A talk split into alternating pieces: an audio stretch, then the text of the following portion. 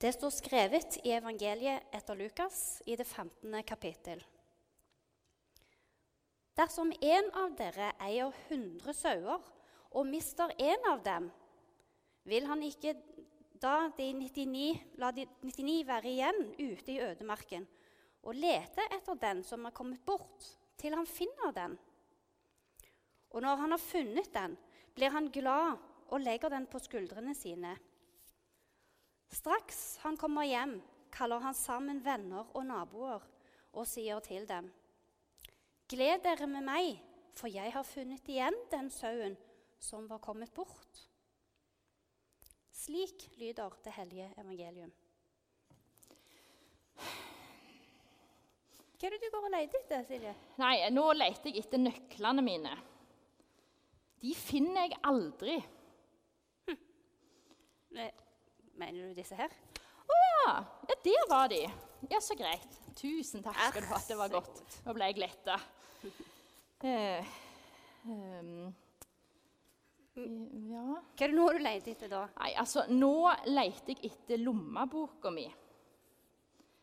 Den finner jeg heller aldri. Er det den som ligger der? Ja. Neimen, du all verden. Der var han. Nei, men så godt. Det var godt, det var godt du var her, så kunne hjelpe meg litt. Altså, Det er så mye tid som går vekk i løpet av en dag, og det mener jeg helt alvorlig, til å lete etter nøklene mine og lommeboka mine og alt mulig rart. Det er altså så frustrerende. Det er frustrerende.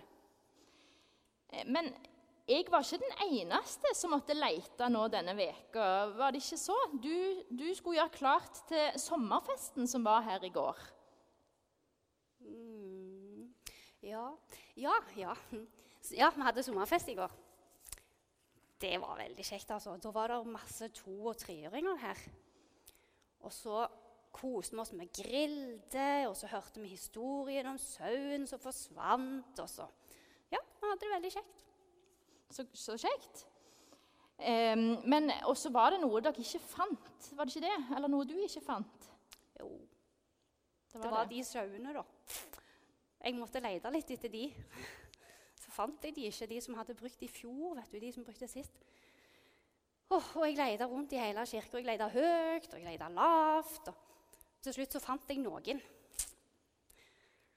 Og så Heldigvis da, så hadde, kom det jo masse folk her i går, og de var med meg og lette etter resten. Så fant vi de. Ja. Men det var fortsatt én som mangla. Det var én som mangla. Altså, det er alltid én som mangler. En, en hva da, eksempel? Ja, altså, du vet. Votter, hansker, sko, sokker. Ja. Det er alltid én som mangler. Og den er alltid den siste plassen du leter. Mm. Men jeg mangla altså én sau. Ja, du mangler en sau. Eh, er, det, er det derfor kanskje du har en sånn gjeterstav? Ja! Ja! For du vet, gjeteren sin oppgave er jo å passe på alle sauene sine. Det er liksom hovedoppgaven hans å vite hvor de er til enhver tid. Så jeg var ganske lei meg jeg, når jeg ikke fant sauene. Men som sagt så kom det heldigvis masse folk her i går, masse barn, og hjalp meg å lete. Og til slutt så fant vi den siste sauen òg. Ikke bare de mange som jeg hadde greid å rote vekk, men vi fant den aller siste òg. Ja, så bra.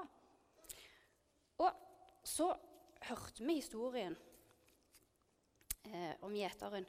Og så lærte vi at det er liksom vi som er sauene. Og at Gud passer på oss, og, og for det om vi har gått oss vill. Ja. ja, det er jo nettopp det som vi leste om i evangelieteksten i dag òg. Om denne sauen som går seg vill, og gjeteren som leter etter den.